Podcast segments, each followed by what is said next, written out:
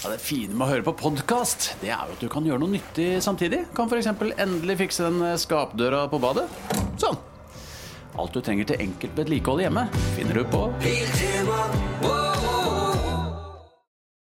Denne episoden er sponset av sjakkhuset.no, hvor du finner alt du trenger av sjakkutstyr som sjakkbrett, brikker, klokker og bøker. Akkurat nå så scroller jeg inn på nettsida her og ser at de har noen fine gavetips også.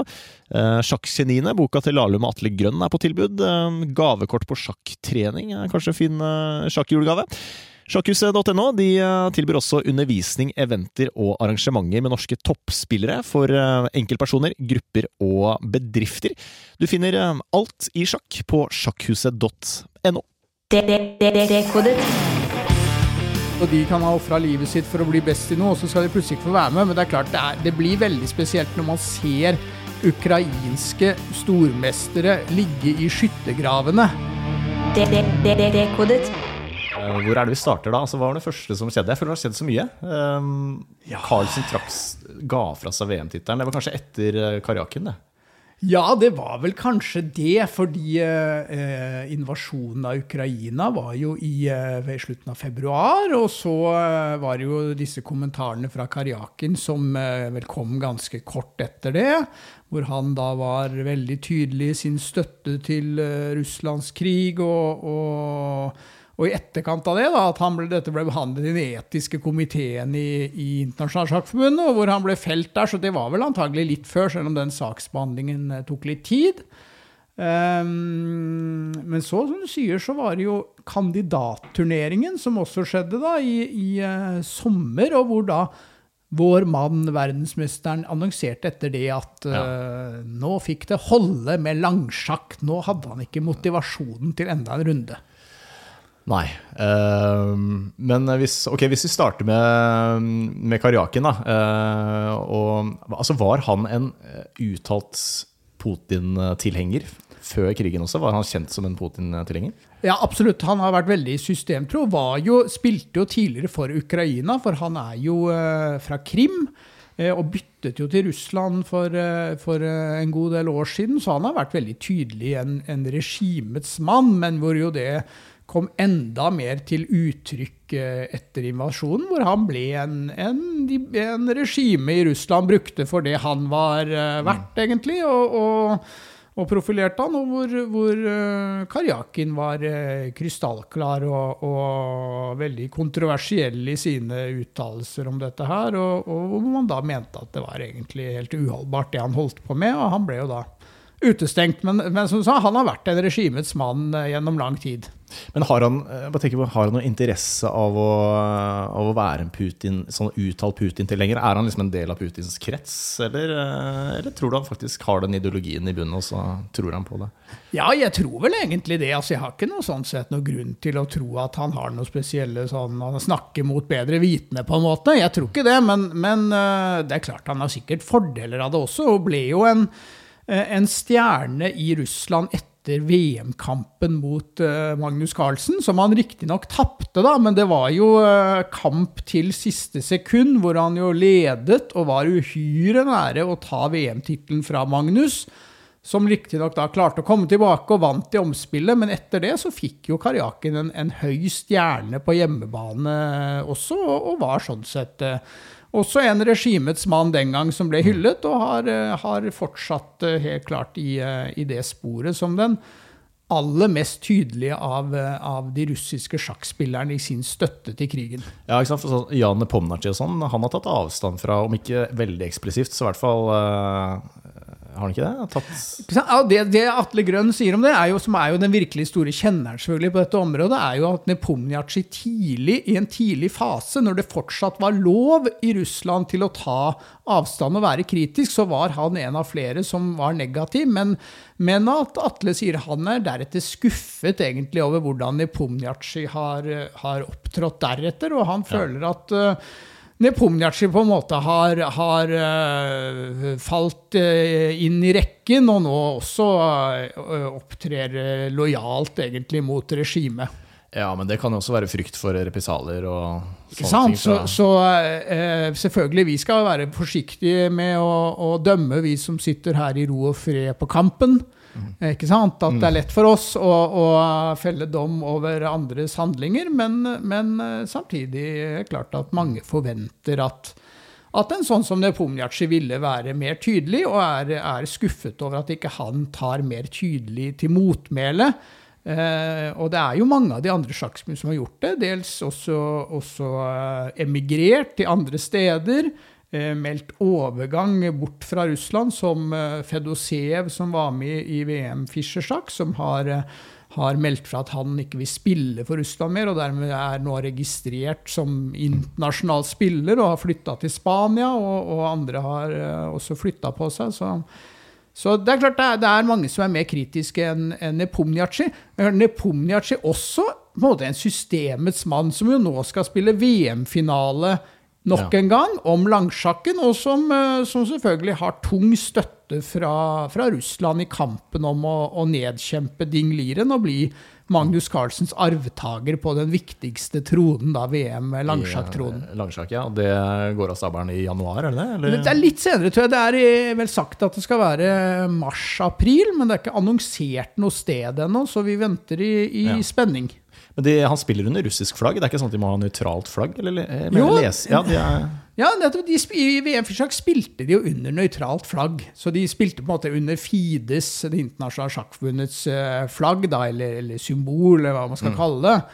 Eh, Så hva den praktiske betydningen er av det, kan man jo spørre. Men eh, jeg noterte meg at i, i noen andre sporter så har faktisk ikke Russland godtatt den løsningen. Og, og eh, de gjorde det samme i, i eh, judo. Og der nektet da Russland å stille opp fordi de måtte spille under nøytralt flagg. Men i sjakken så godtar man tydeligvis det, da, at man uh, gjør dette. og dette var pga. invasjonen i eh, Ukraina, ikke sant? Ja, det er jo det. Og, og det er jo at man da i hvert fall delvis følger denne anbefalingen fra IOC. Eh, som jo er da at eh, man skal ikke spille nasjonalsang, man kan ikke spille under flagg og sånn. Så er jo også en anbefaling fra IOC at man skal eh, nekte russiske og hviterussiske utøvere å delta i det hele tatt. Eh, og det er det jo da noen sporter som gjør. Eh, ski og skiskyting bl.a. gjør det. Eh, mens en del andre sporter gjør som sjakken og, og tillater det. F.eks. tennis, eh, boksing og, og, og noen andre. Ja, har du noen tanker om det? Hva som er riktig å gjøre der? Om de skal få lov å delta under nøytralt flagg, eller om man skal kutte helt og si eh, ikke Ja. velkommen? Jeg skjønner jo de som på en måte føler at de må vel få delta, for det er jo ikke disse utøverne sin, sin skyld at uh, Uh, at Russland har gått i krig, og de kan ha ofra livet sitt for å bli best i noe, og så skal de plutselig ikke få være med. Men det er klart, det, er, det blir veldig spesielt når man ser ukrainske stormestere ligge i skyttergravene. Ja. Ikke sant? Og er av den grunn forhindret til å være med i internasjonale konkurranser. Og så samtidig så skal eh, russiske spillere om, som Nepomniachtchi spille om, eh, om VM og, og store pengepremier. Så, så det viser på en måte at det er kanskje ikke så, så enkelt nå, og tror jeg, å la russere og hviterussere være med. Selv om man selvfølgelig kan, kan tenke at ja, hva skal man mer forvente av spillere som tar avstand fra dette her, og som sier fra, og kanskje risikerer ting gjennom å gjøre det, og, og så skal de likevel bli utestengt. Men uh, jeg syns det er vanskelig å, Ja, det er det, ja. Ikke sant? Det er det. Men eh, det er også tragisk på så mange nivåer. Da. For, altså, Russland har jo en veldig sånn stolt eh, sjakktradisjon også. Og hvordan verden nå ser på um, russiske idrettsutøvere og russiske sjakkutøvere. Eh, jeg vet ikke hvilke konsekvenser det er for, russisk sjakk jeg, på sikt. Eh, hva tror du? Nei, vi, vi kan jo på en måte foreløpig bare spekulere. Det er jo som sier at Russland har jo hatt, og Sovjetunionen før, da, hatt et jerngrep om sjakktronen. Eh, og så har jo Russland eh, fortsatt den kulturen at sjakk er en, en viktig ting, og, og som demonstreres av ledelsen i Det internasjonale sjakkforbundet, og som vises gjennom mange ledende spillere. Selv om de selvfølgelig ikke er den dominerende kraften som de, de var, fordi vi jo har Magnus, vi har Vishy Anand, vi har eh, Firusha, vi har kineserne som kommer, og det er mye bredere nå enn den gangen det var eh, kanskje én spiller som ikke var sovjeter blant de ti beste i verden. Det var jo liksom en situasjon vi hadde faktisk i, i sjakkens verden, hvor det nå er en annen situasjon. Men, men selvfølgelig, man kan jo se for seg etter hvert at sjakken også vil eh, utestenge russiske og, og hviterussiske utøvere. Og det russiske landslaget var jo ikke med i eh, sjakk-OL eh, tidligere i år, som ble vunnet av Usbekistan. Så, så det har konsekvenser, selvfølgelig, og, og spillere også sikkert som vil eh, melde overgang til andre land, sånn som Fedoseev, da, som ikke lenger eh, vil spille for Russland. Ja, nettopp. Ehm, ja, og så er det da VM i langsjakk nå, som du nevnte. Er, har det mista litt eh, altså Nå er jo ikke Magnus Carlsen med, så for oss nordmenn så er det plutselig ikke like spennende, da. Men eh, hvordan ser liksom eh, sjakkmiljøet på det ellers? Er det, har det mista litt prestisje? Det gjør jo det automatisk når verdens beste sjakkspillere ikke er med. Ja, helt klart. Og det, er jo, eh, det blir jo den store nøtta nå, og det store problemet til, eh, til Verdenssjakkforbundet. Hva gjør man nå med et VM hvor ikke den beste spilleren er med? Eh, og det er jo en veldig på en måte farlig situasjon for Verdenssjakkforbundet, som man jo hadde da eh, Kasparov og, og Short valgte å bryte ut på 90-tallet. Eh, Fordi Kasparov ikke var fornøyd med vilkårene for den VM-matchen eh, og pengepremien og sånn, så valgte de da å arrangere sin egen private match, hvor jo da eh, Det internasjonale sjakkforbundet svarte med å arrangere sin match mellom de nest beste. Ja. Som jo da ble litt sånn parodisk hele opplegget, ikke sant? fordi alle visste at verdensmesteren var, ikke, var uansett ikke verdens beste spiller. Så, så, så Kasparov fortsatte med sine greier, som jo på en måte ikke var noe offisielt VM, men som likevel eh, var det, fordi han, alle visste jo at han var den beste. ja, ikke sant? Eh, og der blir jo problemet særlig hvis Magnus da på et tidspunkt tenker at søren, nå hadde det vært morsomt å spille en match f.eks. mot eh, eh, Firusha. At da vil fort mange tenke at ja, det er jo egentlig det som er verdensmesterskapet da, selv om offisielt så er det ikke det. Men det er de to beste i verden som gjør opp og, og ser hvem som er best av de. Og da plutselig eh, kan det bli litt sånn som i boksing, da, hvor man har mange forskjellige ja, ikke sant? Mange Ja. forskjellige Masse belter. ja. Så, så um, ja, jeg lurer virkelig på hvordan det der gjør. Det er klart at Magnus mister jo også litt gjennom at han ikke lenger er mesteren. Og i sjakken så er jo dette med, med den kongerekka er jo liksom noe av det virkelig store. Eh, Og noe av det som skiller sjakken tror jeg, fra alle andre sporter, at man har så utrolig få mestere over så lang tid. ikke sant? Ja. Eh, det Bare 16 mestere fra, fra Steinitz i 1886 og fram til Magnus Carlsen Ja, nå. sant? Så, så det å bli den nye der, i utgangspunktet så er det noe som, som har voldsom prestisje, da. Enten det blir en Epomniachi eller, eller Ding Liren som eh, tar den tronen. Men eh, det, det blir en, en krevende, krevende situasjon i sjakkverden. uh, og veldig spennende å se liksom, hvem er kongen i sjakkverden. Ja? Er det verdensmesteren, som det har pleid å være, eller er det fortsatt Magnus Carlsen? Ja, jeg syns det er veldig synd da, at han har tatt det valget. Men eh, jeg kan også skjønne det ikke sant? med disse enorme forberedelsene. Og det tar så mye tid, og det er slitsomt og langtekkelig. Og jeg vet ikke hvilke argumenter han har eh, for å ikke stille, men uansett. Men det er jo altså Tenk på denne, denne diskusjonen om hvem som er den største gjennom tidene. Da. Jeg syns jo det er litt gøy mm. liksom, med Kasparov. Og da er det ofte de kriteriene som ligger til grunn, er jo Det er, det er ofte hvor mange eh, VM-matcher man har vunnet, eller, eller på hvilken måte man har vunnet VM-matchene. Eh, var det, jeg lurer på om det var Lahlum og Atle Grønn som har liksom arrangert de 16 verdensmesterne i den eh, boka si. Men eh, når man snakker om å kåre verdens største gjennom tidene, da må man kan ikke, man, man kan ikke bare da ta hensyn til spillestyrke. Ikke sant? Det er jo titler også inne i bildet her. Ja, sjakken er jo en vitenskap også, så de som kommer etter, de bygger jo på, på det de andre har lært og studert om åpninger og sluttspill og midtspill. og alt, Så på en måte vil jo alltid nivået bli høyere enn de forrige. Så hvis man bare ser på det, så blir det litt sånn meningsløst. Da vil det egentlig ja, alltid være den siste Ja, er som er sånn- den beste. Pelé, Maradona, Ronaldo, Messi. Ikke sant? Og, og, og i sjakk, som er mer ikke sant? Det blir som å se på en som var fysiker på, på eh, 1800-tallet, kontra kunnskapen en sitter på nå, fordi man jo har lært av de forrige og så utvikla seg videre Mm. gjennom 200 år. Eh, men, men eh, hvem er den største? Det er jo sånn evig spørsmål. Jeg, er jeg er helt enig med deg at det er en veldig naturlig tankegang. Hvem har vunnet flest VM-kamper? Eh, Og da snakker vi gjerne om langsjakk, da, og da er det jo Kasparov og, og Emanuel Lasker som har vunnet seks. Og derfor kunne man tenke seg at Magnus ikke ville gi seg på fem. Nei, ikke sant? Ja. For det er mange som rangerer Kasparov som den aller, aller største, nettopp fordi han har vunnet så mange VM-matcher. Og at Ja. han holdt tronen i så mange år. Det er jo det. Og, og øh, han var øh, men, men det er klart det også er litt sånn tendens alltid til at vi husker de siste best. Og, og øh, Lasker var jo verdensmester i 28 år, ikke sant? Mot, mot Kasparovs 15, f.eks. Mm. Men, men som du sier, det er vanlig, vanlig tanke at Kasparov er, og, og, var den, den største. Eh, og så er det spesielt, for nå har vi jo disse lyn- og hurtigmesterskapene òg. Og det blir sånn, Magnus har jo vunnet åtte VM-gull i lyn- og hurtigsjakk, som er en utrolig prestasjon. Men det fantes jo ikke på Kasparov sin tid. Nei, ikke sant. Så den samlingen blir også vanskelig, liksom. eh, For det er jo ikke noe tvil om at han hadde jo også vunnet masse sånne mesterskap hvis det fantes, men, mm. men eh, Det gjorde det gjorde det ikke. Men vi får se. Magnus sier jo at han skal fortsette i hvert fall å banke på, da, og, og banke på i romjula i første omgang. Prøve å ta to gull der.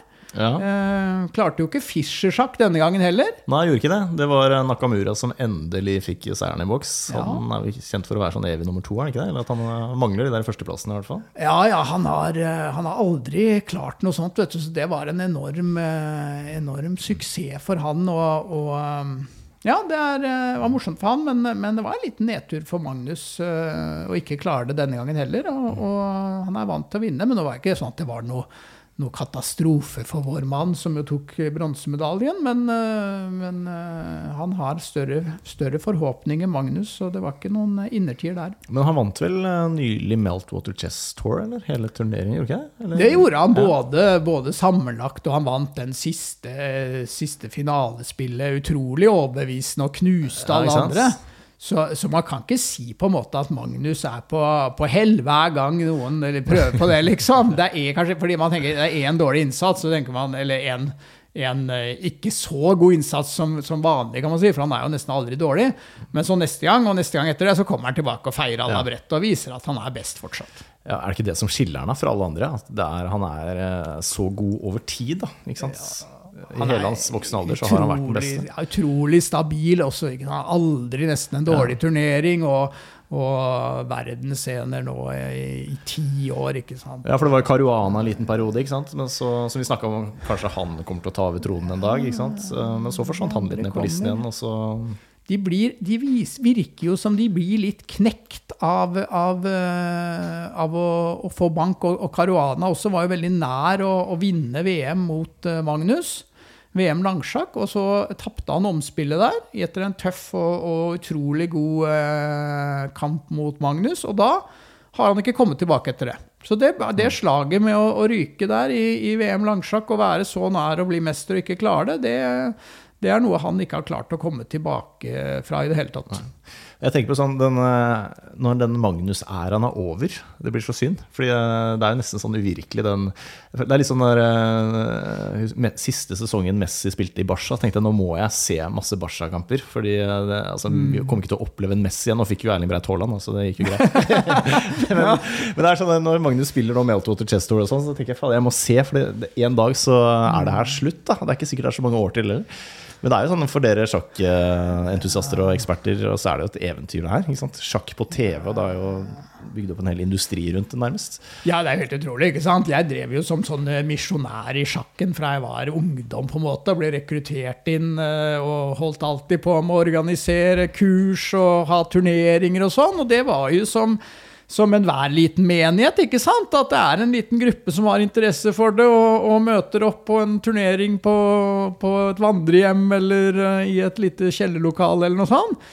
Eh, Så det var jo helt sånn eventyrlig. ikke sant? Plutselig så har vi Magnus, og så, ikke nok med det, så har vi plutselig sjakk på TV hvor det er inntil en million som sitter og ser på sjakk. ikke sant? Så det er virkelig sånn eh, It blows your mind. ikke sant? Det gjør det. Men er det sånn at dere sitter og håper at bare vær så snill og ikke legge opp og holde ut fem år til, liksom? Så vi får fortsette med det her. For det er vel sånn, hvis man skal være ærlig, det er altså idet han legger opp, og det ikke kommer en ny uh, supersjakkstjerne fra Norge, så blir det vel ikke noen sjakksendinger på NRK? Nei, altså, vi kan jo ikke si det. Og det er, eller, vi kan jo ikke si det sikkert, og det er ikke opp til meg heller, men, men jeg tenker jo som deg at det er jo Det er vel egentlig bare fotball vi ser på hvor det ikke er nordmenn. Ikke sant? Ja. Så det er uansett hvilken sport det er, nesten, så trenger vi en mann å, å, å følge med på og, og heie på. Eh, så, så nå skal jo neste VM langsjakk være, være Ding Liren mot Jan Nepomniachtchi. Og, og det er jo noen da som, som sier til meg og skriver liksom å, kan, kan ikke NRK sende det også? Eh, men det er klart at, at eh, våre sendinger også er jo et svært maskineri som gjør at det, det fungerer, og, og ikke minst svært engasjement for folk også, med alt eh, innholdet som kommer fra folk på sosiale medier. Så jeg tror, eh, eh, selv om, eh, selv om det er jo veldig hyggelig at folk kunne ønske seg faktisk å følge med på, på Nipomniachi mot Ding Lire nå, og mener det kunne være moro, så tror jeg nok det blir en, en helt, helt uh, annen greie, og, og, og kanskje ikke så lett å forsvare en, en eh, veldig ressursbruk på det mesterskapet. Det er NRK2, kanskje? Ja, ikke sant? Bare deg og Heidi. Men, men, ja, men det er det jeg tror med en gang at man er nede på. Og det er det man kunne sett for seg, at man, man sitter på en måte mer i et sånt lite studio, da. Ja. Men jeg tror, eh, jeg tror eh, litt av magien på en måte ville gått ut av det, nettopp Ja, fordi det at det er veldig mange elementer i, i den sjakksendinga som gjør det til det det er. Og det er, eh, det er nettopp at vi har kjendisgjester, og, og vi har sosiale medier, masse trøkk, og, og vi har hele det opplegget rundt det som gjør det til noe spesielt. Så jeg tror liksom, selv om Heidi og jeg vi kunne ha moro, vi må sitte i, eh, i studio der og preike, så tror jeg eh, nok ikke det hadde vært helt det samme for folk. Nei, det hadde ikke blitt det samme. Det er derfor jeg også ble litt sånn skremt når Magnus sa fra seg langsjakktittelen. Fordi eh, betyr det at han begynner å miste litt motivasjon? At han, er dette liksom starten på sånn nedtrapping? på en måte? Hva er det neste da? Altså, hvor lenge har han igjen? Liksom? Han er par og 30, er han ikke det? Ja, ja han, han blir, ja, han blir 32 i disse sant? Dager, ja. Og så har jo Annan bevist at man kan jo spille sjakk, i veldig god sjakk til man blir gammel, liksom. Men eh, det står kanskje på motivasjon. da. Ja, det er jo det han sier er grunnen også til at han, eh, han eh, ga seg i langsjakken. Og han sa jo også uttrykkelig at hvis det hadde blitt Firusha som hadde vunnet kandidatturneringen, og det var han som var motstander, så hadde han fortsatt, for da hadde Magnus hatt motivasjonen fortsatt til å, å fortsette. Men, men å spille enda en gang mot Nepomniachi, det, det syns han ikke var eh, verdt alt bryet, på en måte, og, og så vel ikke noe særlig oppside der. Men det er klart at det er, det er grunn til å spørre, liksom når motivasjonen ikke er, er stor nok til å forsvare den på en måte, aller viktigste tronen, så kan man jo være litt bekymra etter hvert for hvordan det er med motivasjonen på andre fronter også. Ja, Men vi håper på det beste, som du sier. Vi håper, Vi håper på mange, på mange mange år. Og, og det er klart at f.eks. dette i romjula, som nå er, er sjakkens høydepunkt for mange her i landet, da, ikke sant? og blitt en tradisjon til og med å Mm. benke seg i sofaen i romjula, så kan jo Magnus være med i medaljekampen der sikkert i, i 20 år framover, hvis han Mm. vil det. Minst. Det er bra, for det er noe av det hyggeligste å se på sjakk i romjula på TV. Det må jeg bare si. Det Ja, ja det er jo for meg også. det Er det, er ja, det er- peak sakte-TV, faktisk. Ja. Selv om det heter hurtigsjakk. Ja. Men, eh, men det er interessant hvor, eh, jeg synes også er sånn spennende hvor lenge kan man hevde seg i toppen. For jeg føler Annan Nå vet jeg ikke hvor han er på feed-ratinglisten lenger, men han er jo overraskende høyt oppe. Han er passert 50, er han ikke det? Jo, og han har til og med avansert litt. Han er vel født i, i 69, tror jeg, så han er vel altså 53 nå, Ja. Vishy Anand, og har kommet tilbake vel til å være nå topp 10 i verden igjen. Han har ikke et grått hår på huet, da, så kan det være sånn genetisk unikum. Kan være det, men vi hadde jo også, også Viktor Kortsnoj, som var VM-utfordrer på 70-tallet, som spilte på toppnivå til han var 70. Oi. Ikke sant? Så, så det går an faktisk å hevde seg, og jeg tror nok for de fleste som ikke gjør det, så er det nettopp at det er motivasjonen det går på. Det tror jeg er egentlig mye av det samme i andre sporter. og at at én ting er fysikken, og sånn, men på et tidspunkt så har du vunnet masse, og du er liksom litt mett, og orker du hele livet å drive og studere like hardt og gjøre den samme innsatsen og sånn, det, det ville ikke de fleste av oss uh, orke, på en måte. og, og og derfor så føler nok de fleste sjakkmesterne at liksom etter hvert så Selv om de fortsetter å spille ofte, så legger de kanskje ikke helt like mye i det som de gjorde på topp. Nei, det er det, men det var ikke Annan kjent for å være veldig god lynsjakkspiller, eller hurtigsjakkspiller. Jo, ja. Eh, mens med årene så har han kanskje blitt en bedre langsjakkspiller? Eller er han fortsatt, hevder han seg i toppen i hurtigsjakk fortsatt? Ja, han kan nok gjøre det, men det er jo en veldig klar tendens til det. At de, de, når man blir litt eldre, så er det en litt sånn mer dragning mot, eh, mot eh, det, det lengre tenketiden. Og at de aller beste med kort tenketid er eh, de unge hodene som ruller eh, Ja, veldig ikke kjapt. Ja, For det går litt saktere i nøtta, men du kan fortsatt tenke like dypt, antageligvis. Om ikke dypere, ikke sant? med masse erfaring og Du kan tenke dypere også. Er klart at En veldig viktig del av dette her er jo intuisjonen også. Og det er jo å spille på din erfaring. ikke sant? Hva, bare føle hva er det riktige trekket nå, basert på alt jeg har eh, sett og, og skjønt ved sjakkbrettet. Og det bygger du opp hele tiden, så det er jo fortrinnet til, til etter hvert til og med Magnus, da, som i noen turneringer nå begynner å bli blant de eldre spillerne. Ja, ja ikke sant? Og, og enda mer selvfølgelig Vishy Anand, f.eks. Det er kanskje litt som i, i sånn eh, strongman eh, competitions. Av en eller annen grunn så har jeg sett mye på det på YouTube. Men det er noe som heter sånn old man's strength. At det er eh, folk, menn over 40, er sånn overraskende sterke. For de har liksom akkumulert styrke gjennom hele livet. Så, så jeg vet ikke om det er noe Nei, jeg er dessverre ikke der selv. Skulle, ønske jeg hadde gjort det og akkumulert litt mer styrke. Det er for sent for meg nå da å få sånn old man ja, eh, Old man's strength. Æsj, æsj, æsj, Jeg tror det er, eh, det er den grippen, da. Det er den som Det er det, ja, du- neven, liksom. Ja, neven, liksom. Ja, er, når du er passert 45, da er du Ja. sterk ass i neven. Ja. Nei da, men, men Magnus kan holde utrolig lenge til, så vi får bare, vi får bare se og håpe. Og, og han elsker jo å spille sjakk, så, så vi får tro han holder i mange, mange år til. Ja, jeg, jeg, krysser fingra i hvert fall. Mm. Uh, men, men det har jo skjedd mer i år, da. Eh, og det har skjedd så mye, så jeg må nesten se på lista mi. Men uh, den der, jo, han Fide-presidenten som jeg ikke klarer å uttale navnet på, eller ikke, jeg er litt usikker på hva han heter, men det var i hvert fall en kontrovers rundt at han ble gjenvalgt, ikke sant? Ja, det er jo det, og det er jo fordi han er russer, Arkadij Dvorkovitsj. Så det er klart, i denne situasjonen nå, i, med tanke på Russlands invasjon av Ukraina, så er det klart det er veldig kontroversielt å ha en leder for et eh, internasjonalt idrettsforbund som er russer. Eh, Så det var jo bakgrunnen for det, men, men vant jo da knusende på, på Det internasjonale sjakkforbundets eh, kongress i India tidligere i år. Eh, og er, er den dominerende faktor der fortsatt, og ser ut til å være det. Så, så Russland har absolutt grepet om, eh, om eh, den internasjonale sjakken. Det er det ingen Ja. tvil om. Men vant knusende, tror du, kan det være noe korrupsjon inne i bildet her og sånn, eller tror du dette er rent spill, at han ble faktisk valgt med flest stemmer? Det er klart det er alltid en fordel å være, være i posisjon, ikke sant? Og det handler jo ikke nødvendigvis om korrupsjon, men at man kan, eh, man kan eh, love at hvis man blir valgt, så har man planer om å gjøre det ene og det andre til fordel for eh, diverse deler av verden, ikke sant? Så det er, en, en, det er mer sånn politikk enn korrupsjon, på en måte. Mm. men men han, han vant så overlegent at jeg tror det var veldig lite påstander om at det skulle være noe sånn snusk, fordi at jeg tror eh, det kommer ofte mer på spissen når det er tette valg, hvor, hvor, liksom, eh, hvor jo vi har sett tidligere at, at Russland også har brukt vel, dette veldig politisk, og, og f.eks. tatt opp dette på, på statsministernivå.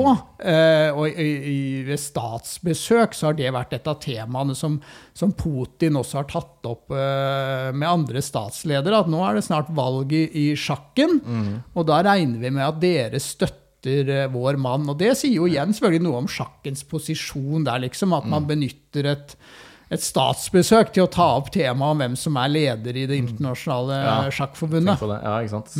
Det er storpolitikk. Det er det. Men uh, er det ikke en nordmann som er uh, Hva heter han? Uh, Ja, også det er en nordmann som er en av visepresidentene. Visepresidenten, ja. Hva heter han igjen, da? Ja, han heter Gøran Aulin Jansson. Nettopp, ja. Så han har vært president i Norges Sjakkforbund eh, mange ganger. Var faktisk min arvtaker som president i? Norges Sjakkforbund. Så, så eh, han er som sier da en, av, en var på Dvorkovitsjs team og, og, og, eh, og valgseddel, og ble jo selvfølgelig kritisert for det. Eh, og, det er jo for øvrig også Vishy Anand, som er nummer to på Dvorkovitsj sin liste, som deputy president. Litt sånn uoversiktlig det systemet, men, men Aulin Jansen er da en av flere vice presidents, så det er ikke nummer to, som man skulle tenke at en vice president ja, er. Ja. Men, eh, men eh, disse er da sentrale folk da som, som jo mener da at Vorkovic gjør mye bra for sjakken, har et ekte engasjement for sjakken, og som da ikke synes det at han er eh, russer, er på en måte noe avgjørende del av dette bildet. Blir de valgt for fire år om gangen? Da, ja, riktig. Da velges de for fire år av gangen. Da. Nettopp. Hva er Magnus sitt forhold til øh, Fida? Jeg vet ikke om du vet det, men øh, Nei, I politikken har han jo engasjert seg veldig lite. ja. Eh, og I motsetning til hans eh, sekundant Peter Heine Nilsen, som jo har vært veldig tydelig eh, eh, kritiker av, eh, av eh, Russland og Dvorkovitsj og hele, hele Fide-styret. Eh, og, og Heine Nilsen var denne gangen også eh, kandidat eh, til Altså motkandidat sammen med en, en ukrainer til Vorkovic, men tapte da så det sang i den kampen. Og jeg opplevde litt at det var på en måte en slags symbolsk motkandidat mer enn et reelt kandidatur, kanskje. Men, men Magnus har vel egentlig han har vært kritisk til en del ting ved VM-systemet og sånne ting, som mer har hatt direkte påvirkning på ham selv. Eh, Men ellers så, så har ikke han engasjert seg noe særlig politisk eh, i det hele tatt. Nei. Eh, og så har han jo fått litt sånn Han har jo inngått noen kommersielle samarbeid Magnus Carlsen, med Betson og litt sånn, som har fått litt kritikk eh, her i Norge. Han kjører liksom sin egen greie, som eh, jeg sett utenfra syns egentlig er litt kult. Da, men jeg har ikke satt meg inn i de ulike tingene. Men hva, hva er det han egentlig fikk litt kritikk for der? Ja, det var jo en, en, eh, var jo en kjempesak plutselig som, eh, som uh, rullet uh? Det var vel i 2019, hvor da, hvor da Magnus uh, støttet veldig dette samarbeidet med, med Kindred Group, som da er eier av Unibet og, og sikkert eh, andre ting. Eh, det som var det virkelig kontroversielle, var jo at, eh, at eh, det var så snakk om at de skulle inngå en sånn avtale med Norges eh, sjakkforbund. Eh, og så er det jo ikke lov for disse selskapene å, å reklamere i Norge, for det er jo spillmonopol. Så derfor var det snakk om en slags lobbyavtale, hvor Norges Sjakkforbund da skulle drive lobbyvirksomhet for, for Kindred mot da ganske mange millioner i vederlag. Så det var for så vidt én ting, men så var det liksom som eh, Det var jo kontroversielt nok, men så var det det som virkelig fikk fyr på saken, var da at Magnus rett før dette skulle avgjøres på Kongressen i Norges Sjakkforbund, opprettet da en ny klubb. Hvor han da også sa at han skulle eh, betale kontingenten for 1000 Å ja. medlemmer. Som da ville gjøre ikke sant, at han fikk et enormt gjennomslag på kongressen i, i Sjakkforbundet. Som jo eh, mange, jo inkludert meg, opplevde som eh, nokså lite demokratisk. ja, da. riktig. Men, men hvor Magnus for så vidt også etterpå har, har sagt at, uh, at uh, det var kanskje ikke det aller mest heldige. Nei. Men det var en veldig var en interessant sak, for det viste litt liksom, det viste litt på generasjonsforskjeller, hvor nok, hvor nok Magnus og, og mange med han tror jeg følte litt på at uh, at sånne som meg, liksom, og, og, og sikkert Atle og andre som var, liksom, var litt sånn fossiler som henger igjen i en annen tid, liksom. Eh, hvor hvor eh, kanskje de som var for dette, følte liksom at herregud, skal vi ikke nå Her kommer dette selskapet med en gullkantet avtale og, og tilbyr oss mange millioner for å gjøre noen, noen enkle greier og sånn. Og skal vi dra drive og, og moralisere så jævlig over at det er spill, liksom, eller det ene og det andre? og, og og de og, og følte kanskje heller ikke at vi hadde liksom på en måte noe, noe skin in the game. At uh, Var det så farlig for oss liksom, om, om dette, disse penga kom inn som skulle gå til unge talenter og sånn? Men hvor selvfølgelig vi som har drevet mye med, med sjakken uh, på frivillig basis, også føler et eierskap til dette her, ikke sant? Og ikke vil at sjakken plutselig skal, skal bli en sånn uh, lobbyinstitusjon for gamblingindustrien. Men det var i hvert fall det, tror jeg ikke. Jeg tenkte ikke så klart på det den gangen det sto på, men i ettertid har jeg absolutt reflektert over det at det var i grunnen en sånn interessant brytning mellom kanskje litt generasjoner og litt sånne, litt sånne synspunkter, hvor jeg tror når man sto oppi det, så hadde man veldig vanskelig for å se perspektivet til den andre, liksom. Vi som var veldig imot dette, hadde veldig vanskelig for å se perspektivet til Magnus og de på den siden. Og, og, og motsatt så tror jeg de som var veldig for dette, de, de hadde veldig vanskelig for å, å skjønne perspektivet til oss som var kritiske. Ja, det er klart, Men det, du har jo litt definisjonsmakt også når du er verdens største og verdens beste i hvert fall verdens beste sjakkspiller, da, som Magnus Carlsen er. Så kan du jo kjøre litt din greie. Litt, nesten litt sånn El Musk-stunt han drev med der. Ja, og, og det nok, jeg tror det er helt som du sier, at han er vant til å kjøre sin greie, og det er derfor han er blitt best òg. Han har ikke gjort det som alle andre forventet at han, han skulle gjøre. og og han ble jo tilbudt å, å ha Gary Kasparov som trener, ikke sant? og alle andre ville jo kastet seg over den muligheten. Tenk å få bli trent av Kasparov. Hvor jo da Magnus som ung mann ikke sant, sier at nei, det regimet der passer ikke meg. Jeg har ikke tenkt til å studere og følge det opplegget til, til Kasparov. Jeg gjør heller min, min, egen greie og spiller mye mer turneringer enn det Kasparov mener er riktig. Og jeg, jeg gjør dette sånn som, sånn som, jeg mener er best. Og, og det har jo vist seg å være en kjempesuksess, selvfølgelig. Så, så, han er vant til å, å gå ja. sine egne veier, og det var sikkert det som viste seg der i det, den ja. betting-greia også. Jeg liker litt den delen av Magnus. Da, for Han har jo fått litt kritikk for å være sånn sur og negete etter partiene i intervjuer ikke sant, med dere og TV 2 også, men uh, han er jo altså Jeg kan jo skjønne det, liksom, den der mentale utladningen der å spille. Hvis du ikke er i godt humør og det fake det der dumme smilet da. Han er 100% seg selv i de intervjuene, selv om det ikke stråler karisma akkurat da, ut til seerne. Nei, ja, absolutt. Jeg tror selv om selvfølgelig det er noen som sier liksom er dårlig taper, så tror jeg som deg at det også er mange som setter pris på på en måte at han er eh, Han viser sine følelser eh, og går ikke til eh, til en, en, journalist etterpå og sier at dette er ikke noe problem at jeg tapte nå. Det er helt tommel greit å jeg ja, tommel opp for det partiet der, hvor jeg, hvor jeg spilte som en stor tosk, liksom. Ikke noe problem. Så jeg, så um, nå har det jo vært mye triumfer, da, og ikke så mye grunn til å være nedfor. Men, uh, ja, det, er litt Det bidrar også til sportens drama, ikke sant? når han stormer ut fra pressekonferanse, som han gjorde mot Kariaki. Ja, ikke sant. Det er jo det er veldig bra. Men uh, nå slipper det kanskje å inngå de der kommersielle samarbeidene fremover, da, for nå har vel Chess.com kjøpt uh, Play Magnus, er det ikke det? For en uh, klekkelig sum? Ja, det var mange hundre millioner, og, ja. og Magnus er jo ikke noe eneeier av, av Play Magnus-gruppen, men likevel han, jo, han blir da enda mer rik enn han var fra før. Nå var jo han selvfølgelig veldig,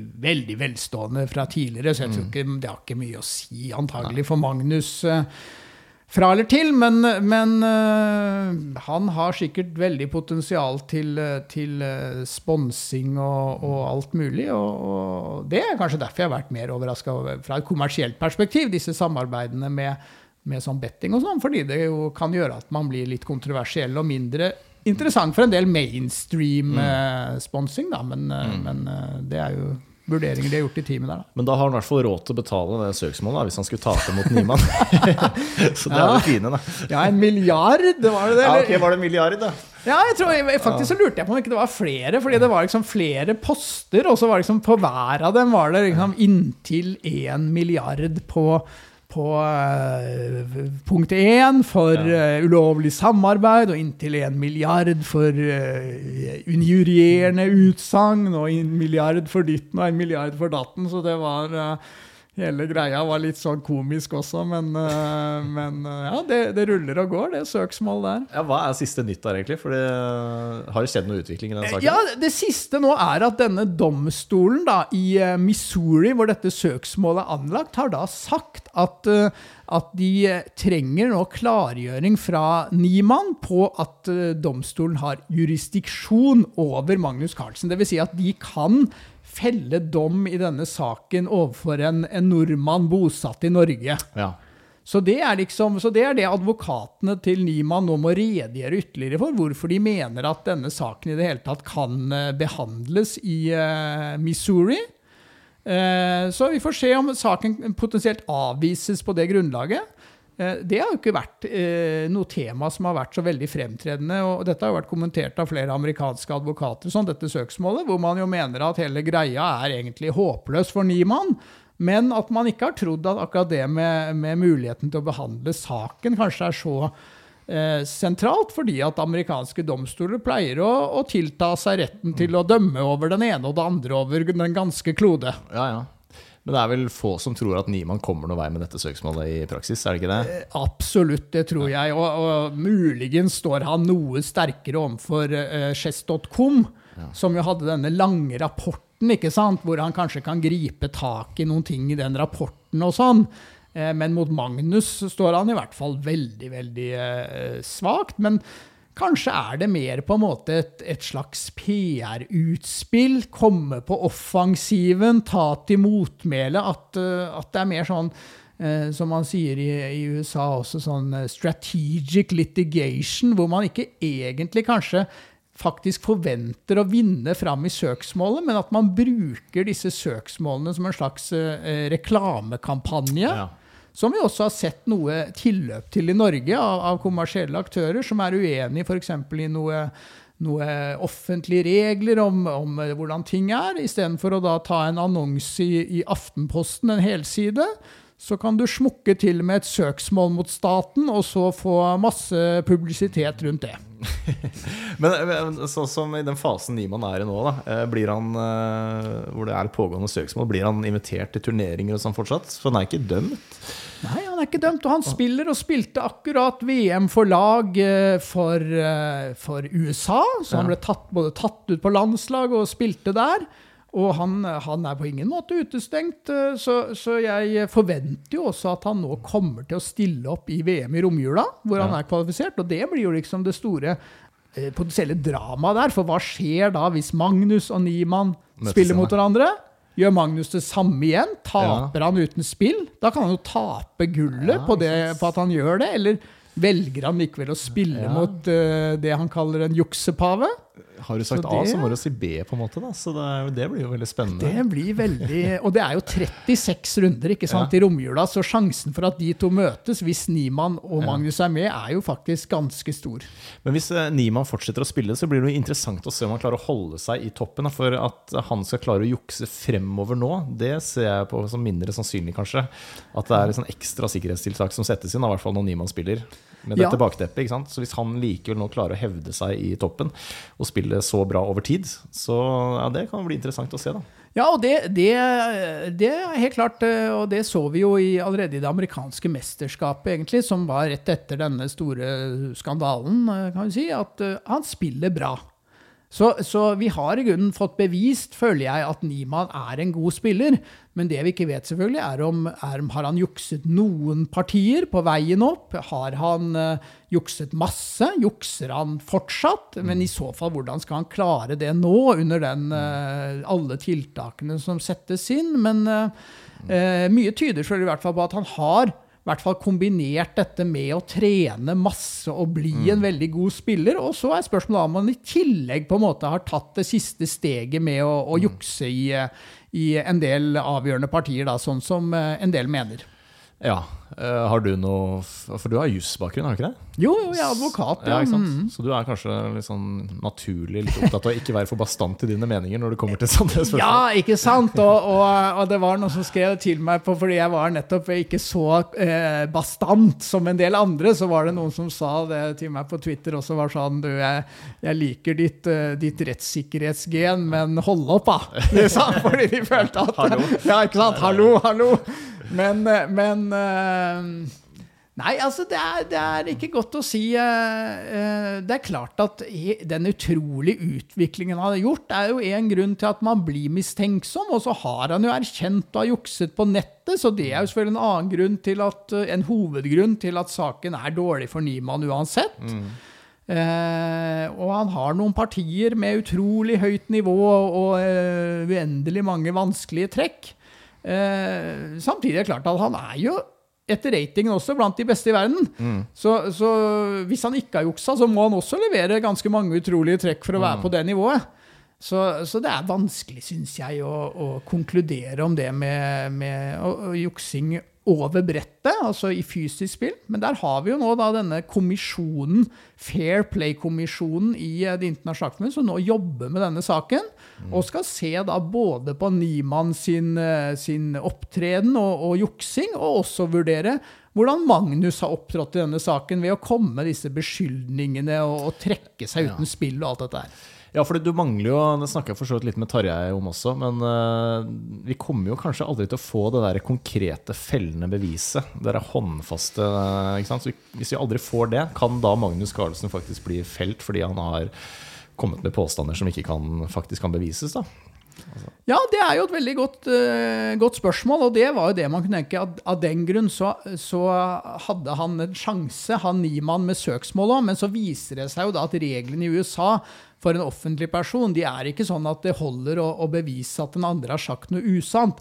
Du må i tillegg klare å bevise at den som sa det, visste det var usant. Ja. Det er det som gjør at hele Ja, søksmålet er så utrolig Ja. vanskelig. For det er, jo, det er jo ingen som tror det. Altså, uansett om det er sant eller usant, så tror jo vi alle at Magnus mener det, i hvert fall. Og at han selv mener at det har vært juksing.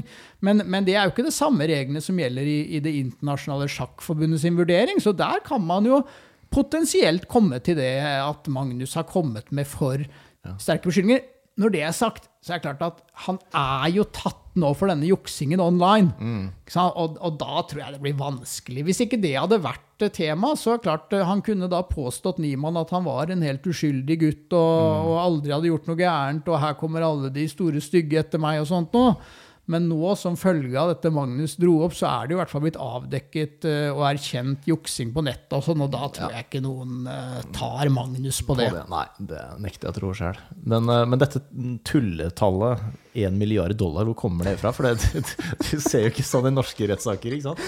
Nei. 1 milliard? Nei, Hva er det du begrunner det med? Ja, Liksom? nei, Er altså, Tapt inntekt? Ja, nei, ja, nettopp. Tapt inntekt, eh, tapt renommé. Ja. Eh, så, og, og i USA så tar de vel sikte da på en sånn eh, jury trial, ikke sant? Hvor da eh, potensielt eh, juryen kan finne at her har den norske verdensmesteren vært så slem mot Hans at eh, en milliard er et rimelig oppgjør. Men det er klart, det, det er det var jo helten til Niemann, tross alt. Magnus Carlsen. Og, og. Chess.com, som er en global aktør, og sånn og sånn. Men det er, klart, det er, det er fantasitall, på en måte. Det er derfor igjen man tenker at det tallet kanskje også er litt for å, å, å vekke oppmerksomhet og dundre løs. og og det gjorde jo at, at Niemann kom litt på offensiven igjen, for helt fram til det så hadde det jo vært hele tiden handla om hvor mye har Niemann juksa, eh, hvor juksa han, hvordan juksa han, og, og eh, undersøke partiene hans, og, og snakke om rumpa hans, og alt dette her, ikke sant? Eh, Men når det kom, så ble det i hvert fall litt sånn eh, ja, det snudde saken eh, litt sånn eh, vinn, vind i saken litt, i hvert fall for Niemann, da, som liksom kan si at nå tar jeg til motmæle, nå sier jeg fra at dette er ikke greit å holde på sånn og sjikanere meg sånn. Jeg har ikke gjort det, og, og nå eh, tar jeg ut søksmål. Han må jo være født med en enorm selvtillit. Altså 19 år og sitte der i intervjuet og ljuge rett ut. Så uten å Ja, det er, eh, men, men han også er jo en som har gått sine egne veier, da, og, og eh, sier jo i hvert fall selv da, at han flytta hjemmefra tidlig, og så kom han ikke inn på Harvard, da, hvor han hadde søkt, og det var da han måtte bestemt seg for at ok, da skal jeg vise dem, nå skal jeg bli best i verden til å spille sjakk, og, og hevder da at han etter det måte bare har, mm. har studert sjakk og fått levert uh, mat på døra fra Uber Eats. Det har vært livet til, Hans, hans- Niemann etter det. Ja, det bærer litt preg av, kanskje. det er spennende. Men tror du han har noe, tror han har noe fremtid, hvis vi skal være litt realistiske?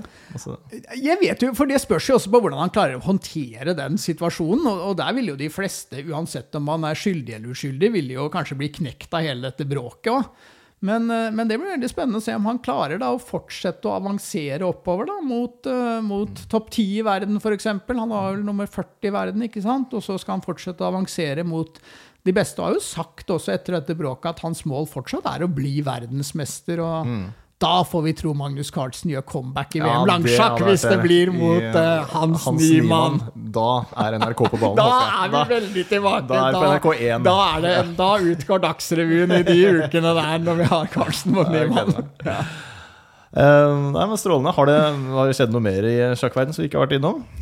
Eh, Nei, altså, vi har det ene og vi har det andre, og vi har høydepunkt igjen, som er romjula, selvfølgelig. Og vi har hatt VM Fischer-sjakk, som var uh, også en, en, uh, en trivelig greie. Men, uh, men det er klart at sånn i historiebøkene, selv om dette bråket med Niemann eh, eh, var stort, så er jo sikkert det aller største som vil stå igjen, er dette med at Magnus, som den første, da, noensinne ga seg Ja. måte, som, som mester. Og Fischer også ga jo fra seg tronen, men det var jo en litt annen situasjon hvor han ikke klarte å bli enige om betingelsene og, Mm. og, begynte å få veldig store problemer eh, mentalt. og Ja, sånt nå. ikke sant? Men, så Garry Kasparov han ga aldri fra seg tronen. Han kjørte sin egen parallelle Det gjør han, men han tapte da til slutt også også mot uh, Kramnik i 2000. Så Mm. han tapte på en måte tittelen eh, fair and square. Så alle de andre har tapt, eller, eh, eller som Maljekin, da, som døde mens han var verdensmester. Men, eh, men eh, Magnus, da, den første som sier at eh, Mm. nei, nå har jeg ikke motivasjon til å fortsette. Nå, nå er det nok med fem gull. Nå skal jeg uh, satse på verdensrankingen og, Mm. og VM lynsjakk og hurtigsjakk og, og det andre. Men hva er, det, hva er det egentlig med sjakk som gjør at sånne som meg, da, som eh, hobbyspillere, eh, Mm. blir så utrolig oppslukt av det? på en måte? Det, jeg føler at sjakk Nesten litt sånn inn på filosofisporet her, da. Men eh, at det er en sånn larger than life-greie Ja. over sjakk.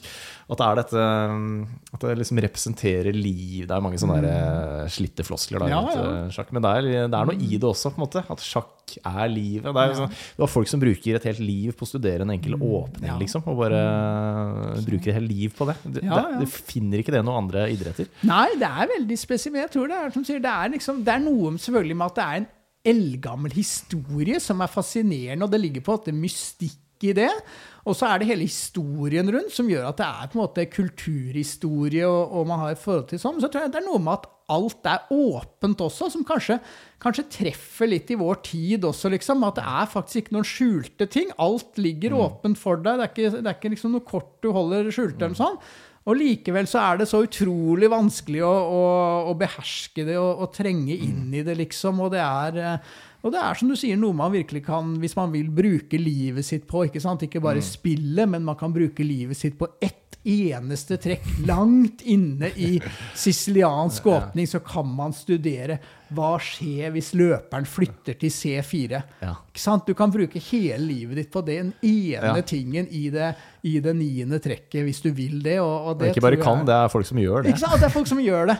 Så, så det er jo også beskrevet bra av, av André Bjerke i hans uh, fine bok eh, 'Spill i mitt liv', som jo handler om hans kjærlighet til Evans Gambiten. Som liksom hans Som han da brukte uendelig mye tid da på å studere mulighetene. Og var jo en hobbyspiller, ikke sant? Men, men eh, som bare elsket det dramaet der. Også. det er, Men kan det være et eller annet med at sjakk er uløselig? At uh, da er flere trekk enn det er atomer i universet, hvis det stemmer, da. Men det har jeg i hvert fall lest. Og at selv ikke mm, de sterkeste sjakkomputerne med kunstig intelligens klarer å regne seg til bunns i sjakken. Da.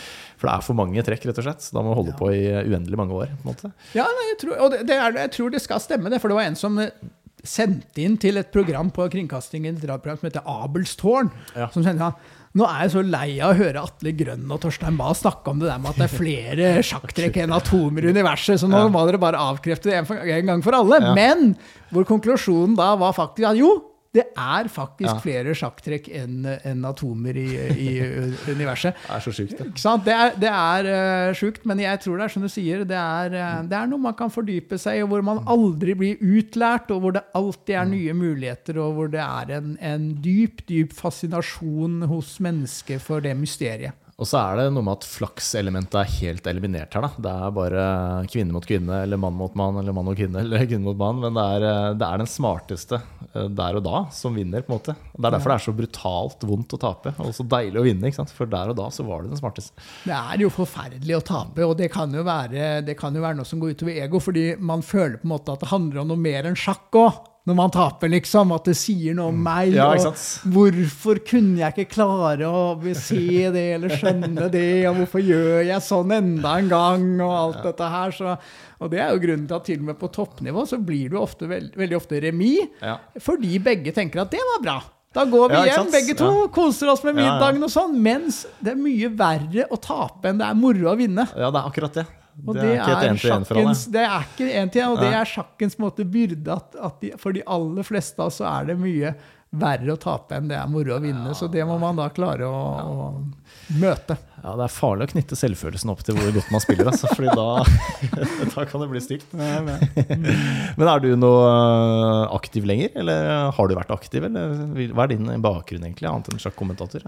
Nei, jeg, jeg var jo aktiv fra jeg var barn, egentlig, og, og spilte som ungdom. Og, og spilte etter hvert på, på landslaget, og, og spilte sjakk-OL siste gang eh, for ti år siden. Så, så sånn var jeg eh, var i den norske eliten gjennom mange år.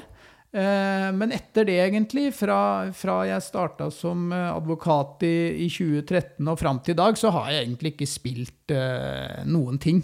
Så det er jo litt spesielt, for det er klart at jeg, jeg drev jo med sjakk på heltid gjennom, med, sammen med min, min kone Silje Bjerke og Torbjørn Hansen, som er stormester. Drev jo det i fem år, og så våren 2013 så, så kom vi til liksom at nei, nå syns vi det var nok med sjakk.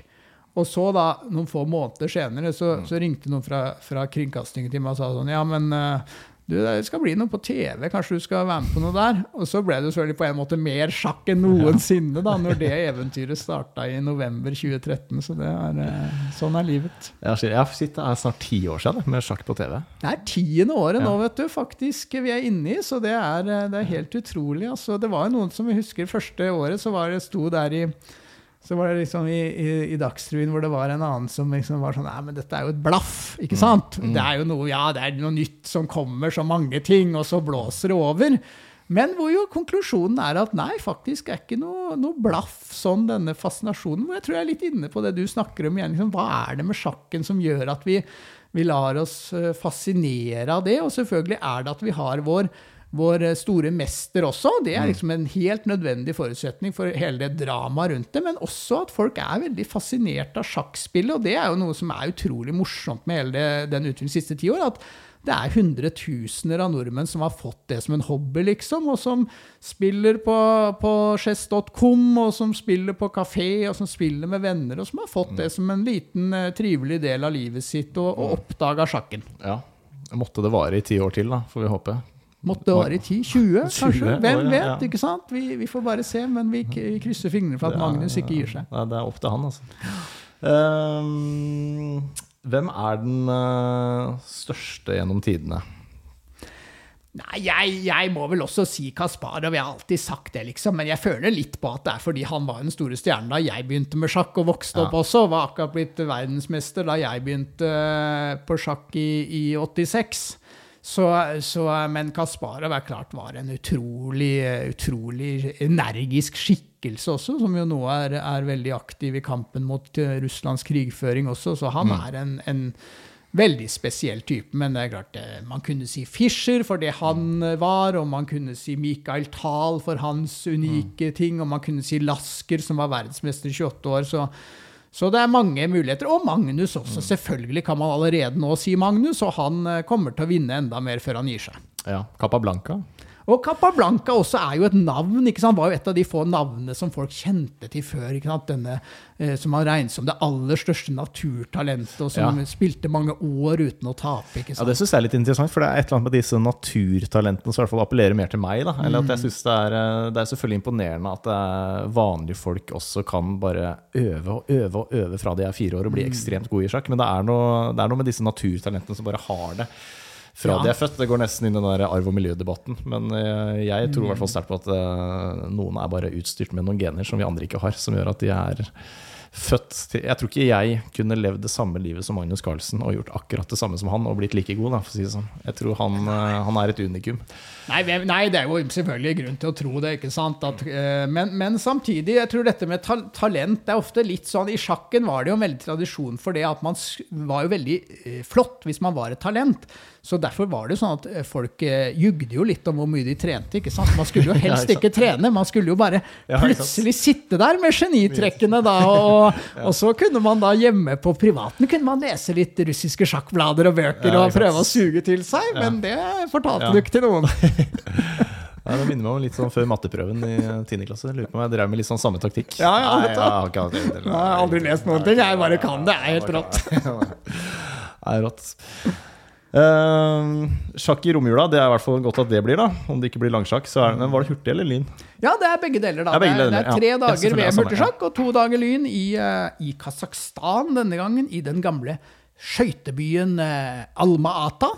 Hvor, eh, hvor eh, Stenshjemmet da var førstemann under sju minutter på 5000. Oi, Så får vi litt litt skøyteinformasjon også. skøyte inn der. Altså. Hvem er regjerende mester i lyn og hurtig? Er det Magnus i lyn, eller? Nei, nå er det jo i, eh, i eh, Det var jo I hurtig var det jo han Nodirbek Abdusatorov som vant uh, sist gang. Og, og hvem var det som vant i, i lyn, da? Men det var ikke Magnus uh, der heller, vel, faktisk, som vant der. Men det var et veldig godt spørsmål. Det må jeg, må jeg undersøke nå nærmere i mine studier før romjula. Ja, Magnus har litt å bevise nå. Så tapte Fischer og ikke regjerende mester i Ja, det er det de sier nå, da. At hvis han nå ikke vinner, så vil han da for første gang på veldig lenge, etter at VM er ferdig da, med, i langsjakk i mars-april, så vil han da sitte uten noen titler. Mm. Ikke Fischer, ikke Lyn, ikke Hurtig, ikke langsjakken heller. Så vi får se om han nå klarer da, å ta i hvert fall én av de i romjula. Men masse penger, da. Masse penger har han, enda er mer penger, så det er også selvfølgelig flott å ha en velfylt konto, men jeg tror han liker å være verdensmester. også. Ja, det tror jeg. Det er bra, Vi gleder oss til romjula. Takk for, eh, takk for praten. Takk. Denne episoden er sponset av sjakkhuset.no, hvor du finner eh, alt du trenger av eh, sjakkutstyr. Du finner sjakkbrett, brikker, klokker og bøker. Og I tillegg så tilbyr Sjakkhuset undervisning, eventer og arrangementer med norske toppspillere for eh, enkeltpersoner, grupper og bedrifter. Du finner eh, alt i sjakk på sjakkhuset.no.